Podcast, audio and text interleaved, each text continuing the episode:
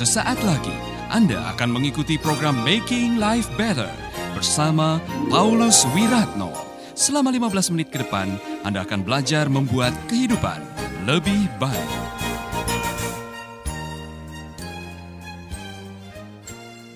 Nah, saudara nanti saya akan menjelaskan ada beda penantian seorang petani dengan penantian seorang ibu yang hamil. Beda. Kalau penantian seorang petani ada unsur melakukan sesuatu. Kalau saudara pernah mengenal seorang petani, ayah saya seorang petani, saat menanti panen kopi, dia akan tetap pergi melakukan apa yang mungkin di, bisa dilakukan dirempeli orang Jawa bilang. Jadi dibersihkan itu pohon-pohon kopinya, bawahnya dibersihkan, kasih pupuk, dirawat dengan baik. Ya kan sambil menunggu buah kopi itu bisa dipanen, dia akan melakukan sesuatu untuk merawat tanaman itu. Dan dia tahu ada waktunya kapan kopi itu bisa dipanen. Nah ada orang-orang petani yang tidak sabar oleh karena kebelet pengen cepat punya duit, kopi yang masih hijau sudah diambil dan itu kualitasnya tidak bagus. Dan pada akhirnya harganya juga tidak mahal. Petani yang baik, dia menanti waktunya dan dia harus menunggu dengan sabar menunggu dengan sabar. Tapi sementara dia menunggu, dia melakukan sesuatu untuk membuat tanamannya lebih baik, lebih bagus, lebih berbuah di kemudian hari. Amin. Belajar dari ibu yang hamil. Sudah sudah dalam bahasa Inggris, she is expecting. Tahu expecting? Dia mengharapkan. Jadi modal berikutnya yang harus Anda miliki selain trust, selain percaya, selain sabar, selain berbesar hati, saudara harus punya expect expectation. Kalau ingin menanti dengan baik, menanti dengan sabar, menanti dengan tenang, menanti dengan gairah, menanti dengan harapan, saudara harus memperkuat ekspektasi. Yang pernah hamil tahu ya, walaupun sakit, walaupun kadang-kadang ditendang oleh bayinya sakit, tapi malah senang. Eh dia nendang, dia nendang. Eh kakinya kelihatan di sini. Saudara senang. Saudara malah mengharapkan, aduh kapan? Seperti sudah tidak sabar lagi. Ya kan? Wow, saudara-saudara, dia belum lahir, kamarnya sudah dihias. Saya masih ingat kita beli tempat mandi warna biru, ya kan? Semua gorden warna biru, bahkan sudah beli itu tempat tidur rotan yang bisa digoyang. Dia belum lahir. Kita sudah beli sepatunya, sudah siapkan namanya, saudara-saudara. Mengapa? Karena apa? Expecting. Jadi Cara yang terbaik untuk membunuh kejenuhan adalah mengharapkan. Amin. Haleluya. Maka saya suka lagu dulu waktu baru bertobat. Soon and very soon we are going to see the king. Tak lama lagi kita bertemu raja. Haleluya, haleluya, kita bertemu Raja. Itu lagu pengharapan kedatangan Tuhan. Saudara-saudara, belum melihat kenyataan, baru mengharapkan, sudah menggairahkan. Maka Anda yang sedang menanti teman hidup, atau yang belum punya calon teman hidup, harapkan dulu. Karena sementara Anda mengharapkan, itu ada kekuatan ada sukacita yang belum punya rumah, gambar dulu rumah. Di ruang tamu mau dikasih apa, ukurannya berapa, ruang tidur nanti catnya macam apa. Walaupun belum punya rumah, minimal punya gambarnya dan berani mengharapkannya. Amin. Oh pak, pak, saya malah tidak mau. Saya sakit hati nanti kalau saya lihat gambar itu. Saudara, harapan itu tidak ada kesalahan. Anda berharap tidak ada salahnya. Kalau harapan menjadi kenyataan, puji Tuhan tidak jadi kenyataan, haleluya ya kan? Tapi sementara mengharapkan yang penting, sementara menanti pengharapan jadi kenyataan, Anda boleh menikmati kehidupan. Jadi, saudara-saudara, saya mau mengajak Anda melakukan apa yang saya sebut dengan menikmati prosesnya dengan berharap. Jadi begini, menanti itu kadang-kadang terlalu lama. Kalau Anda tidak punya kiat-kiat melakukan sesuatu sambil menanti, Anda bisa bosan atau putus asa atau ambil jalan pintas. Dan kalau Anda tidak bisa memulai sesuatu, melakukan sesuatu, Anda bisa-bisa bosan dengan hidup Anda sendiri. Berapa banyak orang yang karena bosan dia mengakhiri hidupnya. Maka belajarlah dalam hidup ini menikmati prosesnya sementara dalam penantian. Contoh yang paling bagus. Saudara-saudara, istilahnya dalam perjalanan, jangan hanya memikirkan tujuan akhir perjalanan Anda. Nikmatilah perjalanan Anda.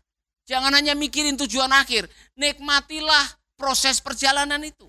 Wow, saya pernah cerita pertama kali naik bis kota, piknik ke Candi Borobudur. Saya tidak bisa tidur malam. Saya masih anak-anak ini SD kelas 6 atau SMP kelas 1, ya kan? Woi, mau diajak piknik ke Borobudur. Saudara-saudara, saya bangun pagi sudah ke sungai mandi. Karena hari itu mau ke Borobudur. Woi, saudara-saudara, saya menikmati. Pikiran saya bukan hanya ke Borobudur, saya mau naik bis. Dan benar saya naik bis, saya berdiri di pintu, saudara. Saya tidak mau duduk, saya mau lihat, wah waktu naik bis, itu pohon jati semua bisa jalan. Tiang listrik bisa jalan. Saya bilang, wow, ini pohon-pohon bisa jalan di sini. Waktu kita naik bis. Senangnya bukan main, lihat gunung, saudara-saudara. Lihat ada orang-orang di samping. Kita menikmati perjalanan. Pelajarannya adalah jangan hanya mikirin akhir perjalanan, nikmati proses perjalanan supaya Anda tidak bosan dalam hidup ini. Terlalu banyak yang bisa kita nikmati. Amin.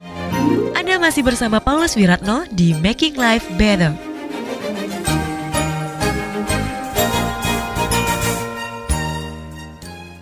Ini contoh, Anda sedang memimpikan untuk bisa punya rumah sendiri, tapi sekarang masih ngontrak. Dan nikmatilah rumah kontrakan. Iya kan? Perlakukan tuh rumah kontrakan seolah-olah rumah sendiri. Haleluya, Anda belum bisa beli mobil, tidak masalah. Tapi ada pinjaman mobil. Dan perlakukan mobil itu seolah-olah punya sendiri. Bersihkan dengan baik, rawat dengan baik. Sehingga saudara-saudara, suatu saat ketika sudah waktunya tiba, saudara sudah siap. Jadi pelajaran yang luar biasa dalam hidup ini, saudara-saudara, nikmatilah perjalanan hidup Anda. Saya mau kembali kepada Essie Taylor. Tidak mudah bagi dia menjadi seorang anak yang hasil perkosaan, banyak dibullying, sering kali direndahkan teman-teman, bahkan kadang-kadang dijauhi oleh rekan-rekannya karena anak haram. Tetapi karena dia menikmati, setelah dia berjumpa dengan pendeta, dan dia mendengarkan kalimat yang mengatakan, rancanganku rancangan yang mendatangkan damai sejahtera. Bukan rancangan kecelakaan. Rupanya itu menjadi pewahyuan bagi dia. Dan akibatnya dia belajar menikmati perjalanan. Kemarin dia mengeluh, kemarin dia marah, kemarin dia tidak menikmati hidup. Pada waktu dia melepaskan kemarahan, melepaskan keluh-keluhannya, waktu dia melepaskan kebencian, dia mulai menikmati kehidupan. Sehingga dia berhak menikmati apa yang menjadi rencana Tuhan. Menteri Keuangan. Saudara-saudara, saya mau mengajak kita semuanya belajar menikmati perjalanan hidup dalam penantian. Saya sudah melalui proses-proses itu. Jadi saya mau berbagi dengan Anda. Sekarang waktunya menikmati hidup ini. Saudara, saya dulu salah konsep. Nanti kalau ada banyak orang yang nanti kalau saya sudah kaya, saya akan bahagia. Telat. Nanti kalau saya sudah menikah dengan dia, saya akan hidup bahagia. Telat, artinya Anda tidak bahagia sekarang. Karena pikiranmu hanya nanti. Nanti kalau sudah punya uang banyak, saya akan hidup dalam sukacita. Telat, waktu sedikit belajarlah mengucap syukur supaya bisa bersukacita. Jadi yang menunda kebahagiaan karena saudara percaya nanti kalau bertobat, jalani hidup Anda setiap hari, nikmati apa yang ada adanya sepeda pancal, nikmatilah sepeda pancal. Ya kan? Saya masih ingat tahun pertama berada di sekolah Alkitab mengajar.